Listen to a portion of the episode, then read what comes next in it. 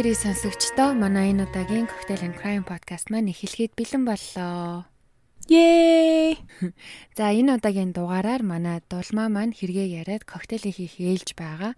Тэгээд хэрэгтэй орохоосоо өмнө уламжлалт ёсоор бид хоёр анхааруулдаг зүйлээ анхааруулъя.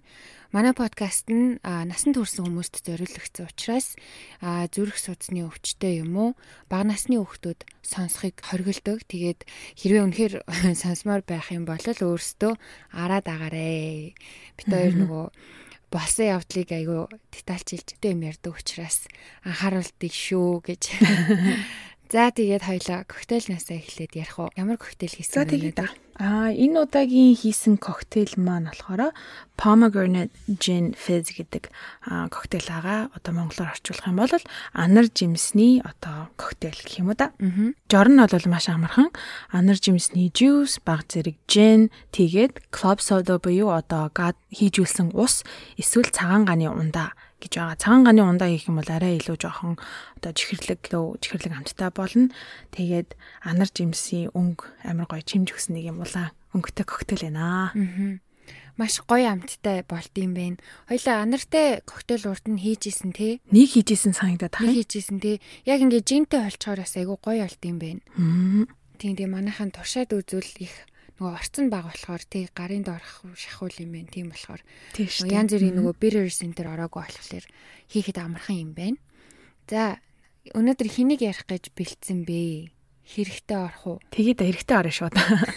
Өнөөдрийн гимт хэрэг бас жоохон хэцүү байж магадгүй. Яагаад гэвэл хүүхдүүдтэй бас амар холбоотой. Аа манайхан харин нэг яриадсан те манай дөөкө болохоор нэг юм алцгануулдаг хэрэг ярьдаг. Манай долмоо болохоор яаж хийж байгаа л хүүхд ярьж байгаа ингээд. Тэгээд уламжлалт ясаараа өөрийнхөө стилээр одоо хүүхдэд одоо хүүхдтэй хамааралтай хэрэг ярих гэж байгаа учраас манайхан бас тэгээд сэрэмжтэй сонсороо гэж хэлье.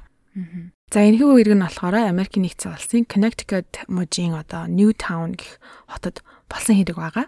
А Newtown хот нь нийтдээ 28 мянган оршин суугчтай бөгөөд хүнд ноцтой гэмт хэрэг юу н гардаггүй тийм амар амар амгалан 50 хот байдаг. Энэ хэрэг болохоос өмнө хамгийн сүүлд тэр хотод гарсан онц ноцтой хэрэг нь болохоор 10 жилийн өмнө буюу одоо 2002 онд болж исэн байгаа. Тухайн хэргийн яг газар нь болохоор Sandy Hook гэх баг сургууль байгаа. Sandy Hook гэх баг сургууль нь 5-аас 11 насны 456 хүүхдүүдийг сурган хүмүүжүүлдэг сургууль байгаа.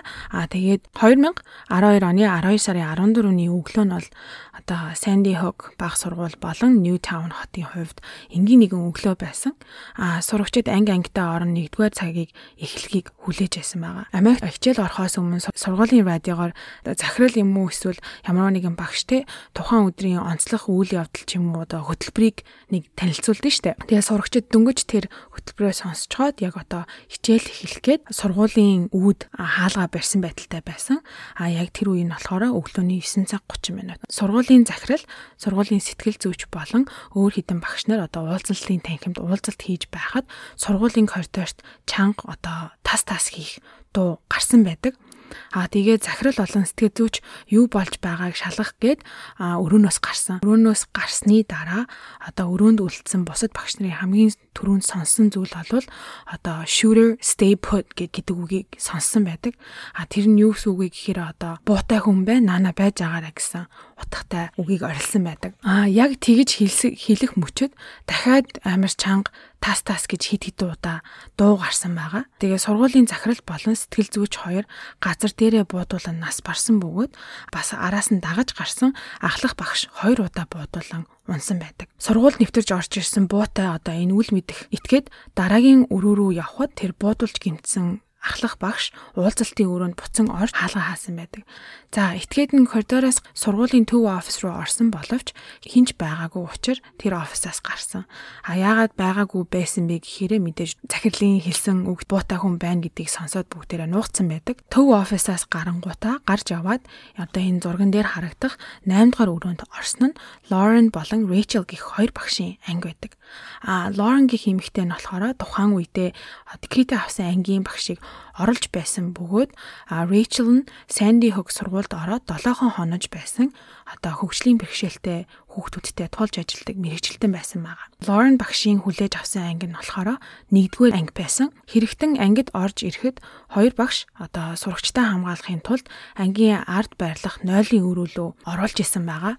Харамсалтай нь тэдэнд хангалттай хугацаа байгаагүй учраас гимт хэрэгтэн 15 сурагч болон хоёр багшийг газар дээр нь буудан хөнөөсөн байдаг. 15 хүүхдээс 14 нь газар дээрээ амьсгал хураасан байдаг. Нэг хүүхэд хүнд бэртэл аван эмнэлэгт хүргэгдсэн боловч харамсалтай нь гимтлээд илэлгүй нас барсан. Гимт хэрэгтэн 8 дугаар өрөөнөөс гараад хажуу талд нь байрлах 10 дугаар өрөөнд орсон нь Виктория гих багштай мөн 1-р ангийн хүүхдүүд байдаг. Энэ ангид яг юу болж өнгөрсөн талаар одоо 100% баттай мэдээлэл байгаагүй маш олон өөрт их сурвалжууд өөр юм ярьжсэн. А зарим их сурвалжийн мэдээлснээр хэрэгтнийг орж ирэхээс өмнө Виктория багш хүүхдүүдэд нууж чадсан бөгөөд итгээд орж ирээд хүүхдүүд хаана гэж асуухад манай ангийнхан урлагийн танхимд байгаа гэж худлаа хэлсэн байдаг. Хэрэгтэн Виктория багшийг хэлж дууссаны дараа буудан хөнөөхөд одоо буун дунд нь цочиж айсан таван сурагчид нуугцсан газраасаа гарan зүхтаах гэж оролцсон. А харамсалтай нь хэрэгтэн зүхтаахыг оролцсон сурагчдыг тэр доор нь буудан хөнөөсөн. А бусад сурагчид зүхтааж чадсан нь хэрэгтэн бууга цэнэглэж байхад а эсвэл буун хэсэг гацах хооронд гарч гүйж чадсан гэж мэдээлсэн байсан. Өөр их сурвалжуудын бичснээр тухайн ангид ороход сурагчид бүгд ангийн ард ингээ зэрэгцээ сууж исэн бөгөөд Виктория багш ангийнхаа хаалгыг төвчих гээд явж байхад нь хэрэгтэн орж ирээд буудаж эхэлсэн гих мэд одоо өөр мэдээллүүд байсан. Тийм болохоор яг энэ хоёр дахь ангид юу болсон гэдг нь бол яг тодорхой бус. Ямар ч байсан Виктори багшийн болон дөрвөн сурагчдын цогцос ангийн арын хаалганы хажууд олцсон.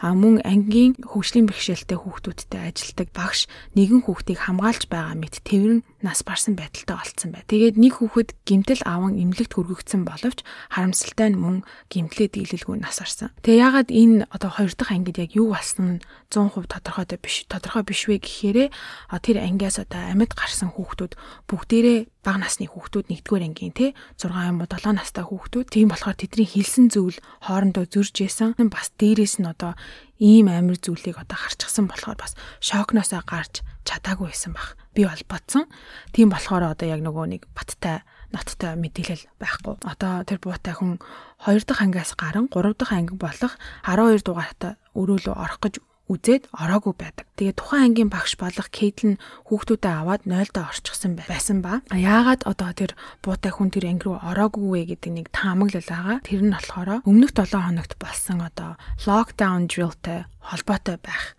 гэж таамагладаг. Америкийн сургуулиуд чинь нөгөө юу яадаг штэ lockdown эсвэл fire drill гэж хийдэж штэ. Тэр нь болохоор сурагчдтай гал гарахад хэрхэн сургуулаас гарах вэ? Одоо яаж аюулгүй байдлыг руу явах вэ гэдгийг тийм зааж одоо жилдээ нэг юм уу хоёр удаа тэрийг тавтдаг байгаа. Галын дрилтэй адилхан локдаун дрил нь болохоор бас аюултай тулгарсан одоо яралтай үед өөрсдийгөө хэрхэн хамгаалах талаар зааварчилгаа байсан. Аа тэгээд өмнөх 7 хоногт нь Sandy Hook сургууль одоо аюулын дрилээ тавцсан байгаа. Тэгэхэд ангийнхаа цонх болон хөшгийг хаагаад мөн ангийн хаалганд байх тэр жижигхэн цонхыг хар өнгийн цаасаар алхалсан байдаг. Кейтлин багшийн анги болохоор тэр тухайн наасан цаасаа аваагүй байсан. А тийм учраас хэрэгтэн анги руу шагаагаад хүүхдүүд байхгүй хүн байхгүй байна гэж бодоод орлогоо дараагийн газар руу явсан байх тийм магадaltaй гэж таамагласан байгаа. Гэхдээ ямар ч байсан 3 дахь өрөөлөө ороогүй байд. За тэгээд энэ бүх зүйл болж байхад сургуулийн интерком буюу одоо радиогоор асаалттай байсан бөгөөд сургуулийн арталт байрлах ангийн хүүхдүүд багш нарыг одоо буутай хүн нуугдаарай гэж ойрлохыг сонссон байдаг. Бас дээрээс нь тэр буутай хүн энэ тэрүүгээр яваад одоо буудаж ахаа ингээд сургуулийн бүр радиогоор ингээд цацагдчихсэн гэж байгаа байхгүй. Аа тэгээ хэрэгтэн сургуулийн коридороор явсаар хөгжмийн ангид орох гэж оролцсон боловч а багш болон сурагчид нь нуугдаж хаалгаа шүүгээ гих мэт зүйлээр тагалсан байсан. А тэгээд тэр буутай хэрэгтэн ирээд хаалгыг нь балбаад намайг оруулаач гэд амар хашгирч орилсон байд. А тэгээ мөн бусад багш нар болон сурагчид одоо өөрсдийн байгаа өрөө болгоны 0 эсвэл шкаф одоо ширээний доор орон нуугдж байсан. А нуугдж байхдаа 911 залах гэж оролцсон боловч харамсалтай нь анги сүлжээ байгаагүй улмаас а зарим багш нар 911-тэй холбогдож чадаагүй байдаг. Энэ бүх зүйл 9 цаг 30 минутын үед эхлээд 9 цаг 40 минут гэхэд дууссан байгаа. 911-т Санди Хук сургуульд буутай хүн ирсэн буудаж байна гэдэг дуудлага 9 цаг 35 минутын үед орж ирснээс 3 минут 45 секундын дотор тусламж одоо сургууль дээр ирсэн байдаг. А хэргийн газарт ирсэн тусламжийн бүрэлдэхүүнд тухайн одоо дүүргийн цагтаа, орон нутгийн цагтаа гал команд болон бүр холбооны мөрдөх товчооноор хүртэл ирсэн байгаа. Мөн ирсэн ажилтнууднаас бүр амарч исэн тий тухайн үедээ ажиллаагүй байсан амарч исэн цагтаа мэрэгчлүүд бүгдээрингийн бүх хүчийг дуудаж авчирсан гэж байгаа байхгүй сургууль дээр. Буутай хүн тэ энэ гинт хэрэгтэй хин байваа гэвэл түүний нэрийг Adam Lanza гэдэг ба 20 настай Newtown хотын уугуул иргэн бөгөөд а өөрөө бас бага ахта Sandy Hook сургуульд явдаг байсан нэгэн бас түүний ээж болох Nancy Lanza тэр сургуульд одоо багшилдаг байсан байна. Адамын хувийн амьдрал бага насна гэвэл нэг тийм амар бусдаас өөр содон одоо сонин содон байгаагүй ч гэхдээ өөрийнх нь яг байдал нь үеийнхнээсээ өөр байсан. Severe depression буюу одоо сэтгэл зүйн гүн готролд орсон байдалтай. OCD буюу одоо хит донтох эмгэгтэй. Мөн Asperger syndrome гих одоо аутизмын тийм нэг спектрумд орох ордог тийм синдромтой байсан гэж байна. Aspergerтэй хүмүүс нь болохоор хүмүүсийн хувьд болохоор яг юм аутизм биш гэхдээ ер нь бол нийгэмшид жоохон бэрх байдаг тэр хүмүүст бусадтай харьцахад жоохон бэрх байдаг бас дээрээс нь дэлхийг ертөнцийг харах байдал сэтгэлгээ гэх юм уу да одоо энгийн хүнээс арай өөр байдаг. Тийм учраас одоо энгийн хүмүүстэй холбоо тогтооход жоохон бэрх байдаг. Тэгээ хэрэгтний хин гэдгийг тогтоосны дараа түүний герт очин нэгчгэд Адамын ээж болох Нэнси орон дотроо нас барсан байдалтай олцсон. Юунаас олж нас орсон бэ гэхээр түүний толгой тус газар дөрвөн удаа буудаж хөнөөсөн байдаг. Тэгээ мэдээж гэрт нь нэгжлэг хийхэд Нэнси буу цуглуулдаг хүн байсан байгаа. Адам ээжийнхаа цуглуулдаг байсан бууг аваад тухайн сургууль дээр очиж энэ аимшиг тэргийг үйлцсэн байдаг. Ми авч явсан буунууд нь болохоор дөрвөн төрлийн буу байсан нь автомат болон тал автомат гэсэн төрлийн гар буу зэвсэг авч явсан. А мэдээж Адамын өрөөг нэгдсэн байгаа. Адамын өрөөг нэгтгэхэд трийн тэмдэглэл гих мэт зүйлс олцсон бас онлайнаар тоглодог байсан түүний комментүүд хүмүүстэй харьцаж исэн бичлэгүүдийг хүртэл олсон байгаа. А тэрэн дээрээ болохоор ер нь хүнтэй харьцахыг хүсдэггүй, хинч намайг ойлгодоггүй, хайрладаггүй гэсэн тийм утгатай маш олон зүйл бичсэн байт юм билэ. Тэгээ тухайн өдрөө Санди хөг сургууль дээр очиод энэ хэргийг үйлдэхэд 10 минут л болсон. 9 цаг 40 минут 3 секундэд хамгийн сүүлийн бууны дуу гарсны дараахан цагдаагийн ажилтангууд сургуульд нэвтрэн орсон. А тэгээд хэргийн газрыг шалгаад явж байхад сүүлчийн сум өмнөд өрцөн хүн нь Адам өөрөө байсан байгаа. Тэр сургуулийн коридорт толгоороо өөрийгөө буутан амиа югүйтгсэн байгаа. За ингээд Адам Ланза 10 минутын дотор 156 сум буутаж 20 хүүхэд насанд хүрсэн хүний одоо амийг авч явсан байна. За тэгээд сүүл амиа олцсон хүүхдүүд болон тэр 6 ажилтан багш нарт одоо задлан шинжилгээ хийхэд хүн болгон 3-аас дээш удаа буудуулан нас арсан гэдгийг тогтоосон байна. Авч явсан дөрвөн бууны нэг болох автомат AR15 гэдэг бууг ихэнхдээ хэрэгэлсэн байдаг. Тэгээ түүний авч явсан буудаагүй одоо сум гэх юм бол 300-аад сум байсан гэж. Бас дээрэс нь машиныг нь шалгахад маш олон бүр хэдэн зуугаараа олцсон байдаг илүү сумнууд. Түүний сэтгэл зүйн байдал болон одоо тэр Asperger-ийн синдром нь энэ аимшигийн одоо явдлыг хийх шалтгаан болсон яг хариулт байхгүй. А гэхдээ мэрэгчлүүдний үз Адамын сэтгэл зүйн байдал илүү анхаарал тавин тодорхой хэмжээний тусламж авсан бол энэ бүх зүйлийг урьдчилан сэргийлэх боломжтой гэж үтсэн байгаа. Одоо мэдээж энэ хэрэгээс хэргийн дараа маш гүн гүнзгий мөртлөг судалгаа явсан нь ойлгомжтой. Тэгээ Адамыг харахад 3 настайгаас 18 нас хүртлээр ер нь бол сэтгэл сэтгэл зүйч болон сургуулийн каунселор эднэртэй бүр маш дотн ингэж харьцаж Адамын сэтгэл зүг өөрчлөх гэж хичээсэн байдаг. А харамсалтай нь хүн болгоны дүгнэлтээр яаж ч хичээгээд ямар ч имчилгээ хийгээд ямар ч байдлаар яриад үнэхээр одоо энэ хүүхэдтэй харьцаж чадахгүй гэсэн дүгнэлт гаргасан байгаа. Мөн энэ хэрэг болсноос хойш хүмүүсийн анхааралд байсан сэдвүүдийн нэг нь болол Америкийн гарбуу зэвсгийн хууль байгаа. Америкт буу авах одоо дэндүү амархан зохих хэмжээний гүн гүнзгий одоо шалгалтгүй явуулдгүй гих мэт маш олон маргалдаа мэтгэлзэн гарсан.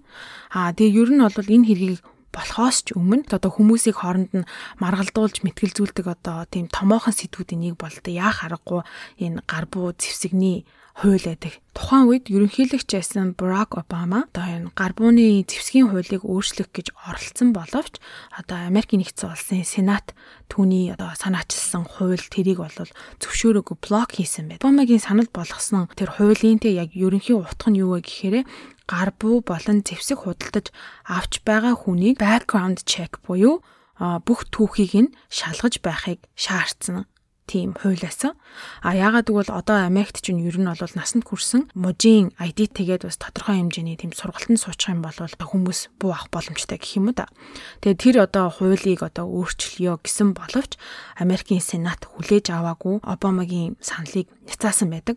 А бууны тухай хууль зүй болон одоо асуудал ер нь бол жоохон ухаад түнхээд ингээд судлаад үзэх юм бол бас маш сонирхолтой санагддаг. Жишээлбэл одоо буу зэвсгийн хуулийг чангалахыг хүсдэг үү одоо тэр засгийн газрын том эрх мэдэлтэнгүүдийн тухай судлаад үзэхээр ихэнх нь ямарваа нэгэн байдлаар хувийн буу зэвсэгний бизнест хамааралтай байдаг. Тийм учраас Обама шиг бууны одоо энэ хуулийг чангалъя гэхээр эсэргүүцдэг шалтгаан нь тэр байгаа.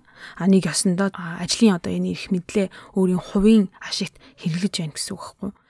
Тэгээд ер нь бол жоох амар адармаатай сэдв байгаа. Гэх Санди Хог сургууль дээр болсон энэ явдлаас хойш бол мэдээж хүмүүсийн бууны тухай мэдлэгээ дэвшлүүлэх гэдэг одоо хүсэл нь бол илүү нэмэгдсэн байдаг. Яагаад гэвэл энэ хэргийн одоо гол хохирогчнор 6-аас 7 насны хүүхдүүд байсан. Тийм болохоор хүмүүсийг бас донсолгож чадсан байгаа. Тэгээ яг одоогоор бол Америкт болсон буутай холбоотой сургуультай холбоотой хэргийн ер нь бол топ 2 дахь хэрэг гэж үзэгддэг байгаа. 26 хүний амин наснд хүрсэн. А нэгдүгээр хэрэг нь болохоор манай зарим сонсогчид мэддэг байж магадгүй Virginia Tech гэх сургууль дээр болж исэн хэрэг байгаа. Тэр хэрэгт 36 32 хүн амнасаа алдчихсан байна. Тэгээд хоёр дахь одоо топ том хэрэг нь энэ Sandy Hook. Энэ явдлаас хойш одоо хүүхдүүдээс мэдүүлэг авахд нэг охин ярьсан байгаа. Одоо хамгийн ихэнд 8 дугаар өрөөнд орсон гэж хэлжсэн шүү дээ. Тэр өрөөнөөс нэг л хүүхэд амьд гарсан нь 6 настай охин бөгөөд а ангийнхаа 0-д нуугдах нуугдах гэд бүгдээрээ орохдоо хамгийн түрүүнд ороод тэр хамгийн цаатлын булан зогсож байсан. А тэгээ хэрэгтэн орж ирээд буудаж эхлэхэд үхсэн мэт тоглож байгаад ганцаархан амьд гарсан гэж байгаа. Тэгээ 6 настай жоох охин штэ. Тэр охин сургуулаасаа гарч ирээд ээж дээрээ очиод хэлэхдээ ээжээ би зүгээрээ гэхдээ манай найзууд бүгдээрээ үхчихлээ штэ гэд ээжтэй хэлээд уйлсан гэж байгаа. Өөр нэгэн 6 настай гэрчийн мэдүүлснээр 0 нуугдаад байж хахад хаалганы цаана нэг хүүхэд надад туслаач би энд баймааргүй байна гэж хэлэхэд арим тэр хүүд одоо яах вэ чи энд л байгаа юм чин гэд нэг чанга тас хээ дуурахад хүү дуугаалсан гэж байгаа. Тэгээ энэ явдлаас хойш Sandy Hook сургуулийг нурааж шин зохицолбор барьсан. Sandy Hook Promise буюу одоо Sandy Hook-ийн амлалт гэдэг байгууллага байдгийн билээ бас маш өргөн хүрээнд үйл ажиллагаагаа явуулдаг. А энэ байгууллага нь болохоор гар буу худалдаж авахд тухайн хүний түүхийг одоо гүн гүнзгий шалгадаг болохын төлөө тэмцэж байгаа тийм одоо хуульчилгыг хүсдэг Sandy Hook сургуулийн хохирогчдын аавуудын одоо байгуулсан тийм байгууллага байдсан мэлээ. За тэгээд нэг иймэрхүү хэрэг байна. 2012 онд болсон Sandy Hook сургууль дээр болсон лиг гэрчилсэн хүүхдүүд одоо бүгдээрээ ахлах сургуультай орж байгаа эсвэл зарим нь төгсөж байгаа тийм хүүхдүүд байгаа. Яг хөө бүгдээринг нь мэдээж одоо амьдралдаа юу игээ явж байгаа, яаж байгаа гэж байгаа гэдгийг нь одоо судалж мэдэж чадахгүй ч гэсэндээ маш олон одоо хүмүүс хүүхдүүд цэцэн эрүүл мэндийн тухай илүү анхаарал тавьж ээж аав нь ч гэсэндээ ингэж хичээж байгаа гэсэн тийм нэг юм артикл байсан. Тэгээ 2012 онд гэдэг 26 хүний амьд хүрсэн нэг юм хэрэг байна. А яг тухайн үед энэ хэрэг гарч байхад би амар санд юм а. Ажил дээр очиод зурагтаа хасаагаал байжсэн чинь бома мэддэл хийж гин. Тэгээ ямар сони нэг ямар зурагтаар ингэж ямар гарч мардаггүй дээ алуу. Мэдээллийг нь чангалаас чангалаас сонссон чинь тэр өдөр одоо Санди хөв сургууль дээр ийм амар амжигтай хэрэг боллоо гэд Обама амар уйлж ирснийг нь сандий. Би бас яг санаж ин зурагтаар гарч явахдаа яг нөгөө мэдээлэл хийж явахдаа уйлж ирсэн тий. Хоолоо зангираад ярьж чадахгүй. Тэгээ тэр үед чинь бас хоёр охин ч гэсэн өөрөөсөө жоохон байсан санагдчихээн. ийм нэгэн хэрэг байна. Адамын залуугийн хувьд бол яг ер нь бол багасаа л сэтгэл зүйн доктор докторгүй байдалтай байсан. Тулж ажиллаж исэн ажилчдуудыг нь бол ажлаа бүрэнгүйд хийгээгүй гэж хэлмээргүй л байна л та. Гэхдээ ихэнх нь хэлэхдээ тийм үнэхээр энэ хүүхэдтэй ярьж чадхааргүй болохооргүй хүүхэд байна гэд ихэнх нь болий гэсэн тийм мэдээлэл байсан. Тэрэн дээр нь бас харамсалтай санагдчихийла. Тэгээ яг бас энэ Адам яагаад заавал Санди Хук гэдэг сургуулийг сонгосон бэ? Тэ одоо хүүхдүүдийг үзий яддаг ч юм уу? Тиймэрхүү ямарваа нэгэн одоо холбоо шалтгаан бол олдоогүй. А тэгтээ зүгээр одоо мэрэгчлүүдийн хамгаалж байгаа ганц яагаад энийг энэ сургуулийг сонгох вэ гэсэн шалтгаан нь болохоор ээж нь угаасаа тэнцээ ажилтдаг байсан болохоор Санди Хук сургуулийг сонгосон болов гэж таамаглалт юм билээ. Та энэ нэг хэрэг байна да документ. Сте амар амар амар юм болж исэн. Би яг тухайн үед яалаа ажил дээр л ийсэн бахта бодвол тий. Тэгэл яг эн чин бүх суугаар гараал нилээн сүртэй юм болж исэн болохоор бас айгүй тод санаанд үлдсэн байна. Тэгээ тэр мөн нөгөө хүүхдүүдийнх нь сургуулаасаа гүйж гарч ирж байгаа айцсан царайнууд нь тэгэл тэр нөгөө тосч авж байгаа ээж аавуудынх нь амар болцгооцсон тий уйлалтай л одоо хүүхд нь амьд гарч ирэх үгүй мэдхгүй. Өстө маш амар дүр зураг бараг өдөржингөө тэр чин тэгээ тэрнээс хойш бараг бүтэн сар жангаал зурагтаар гарсан шүү дээ тий. Тэгээ яг дээр бас нөгөө юу гэж уншижсэн ах. Нөгөө сургууль руу буутаа дайралт хийдэг одоо хийдэг ч бахав хийсэн хүмүүсийн нэг тийм судалгаа байсан нөгөө сэтгэл зүйн талаас нь 2001 оноос хойш одоо өдийг хүртэл болж исэн Америкийн нутаг дэвсгэр дээр болж исэн бүх тэр бодлогоодын хэрэгтнүүд дээр хийсэн судалгаан дээр гэсэн байсан. Тэр аягүй сонирхолтой санагдсан халдлага хийдэг хүмүүс ихэвчлэн одоо бидний бодож байгаа шиг ч юм уу бид нар бол одоо тий ингээд амар ганцаардсан хүн юм бол одоо нэг тиймэрхүү хүн гэж төсөөлнө штэ. Тэгсэн чинь үгүй нэг группт хамрагдах гад чадаагүй эсвэл одоо бага насандаа аав ээжээсээ ямар ч анхаарал халамж авж байгаагүй тийм нийгмээсээ жоохон дээрлхүүлсэн биш тэгтээ жоохон гадуурхагдсан хүмүүс байдаг гэж судалгааны хариу нь гарсан бэлээ. Тэгээд ихэвчлэн энэ жишээн дээр бас гарлаа штэ. Бууга гэр бүл ихнээсээ авдаг, ихэвчлэн авдаг гэдэг нь нотлогдсон байдаг. А дээрэс нь өглөөний цагаар 9 цаг болон тэрнээс өмнө дандаа халтлагууд болсон байд юм билээ айгу сонирхолтой. Тэгэхээр одоо иймэрхүү хүмүүс хизээч хэрэг тарьж хэрэг төвөгт орооцолтож сахилгагуутаж ч юм уу тэгдэггүй гэж аахгүй юу бас нэг сонирхолтой юм. Зүгээр ингээд одоо арын судалт ч юм уу чимээгүй байж идэг. А гэхдээ хинч тэр хүнийг тоодоггүй нэг амир очиж дээрлэхэд янз бүр болоод байдаггүй ч гэсэн одоо тоохгүй байна гэдг нь өөрөө маш том сэтгэл зүйн дарамт гэж урд нь хоёул ярьжсэн шүү дээ. Эцэг ихэнж тоохгүй одоо нэг сүнс байгаа юм шиг л те бүр байхгүй юм шиг байхлаар хүнд илүү тэр нь тоож ингэж доромжилж байгаагаасаа илүү хүнд гэлтэн хүнд байдаг юм байна л да. Илүү хүнд шарах хөвгдөг гэх юм уу. Тим хөвгтүүд байдаг гэж байна лээ. Тэгээ нөгөөтэйгөр мэдээж одоо бас сэтгцийн ямарваа нэг өөрчлөлттэй хөвгтүүд байдаг гэжсэн. Тэгээд энэ удаа бол depression байна, OCD байна гэдэг шиг бас л одоо багтаа ээж аваасаа халамж хайр үзээгүй тэр нь маш том фактор болж байгаа а гэж аа нөгөөх нь болохоор бага насандаа бэлгийн дарамтанд орж исэн ч юм уу. Иймэрхүү зүйлс одоо нөлөөлдөг.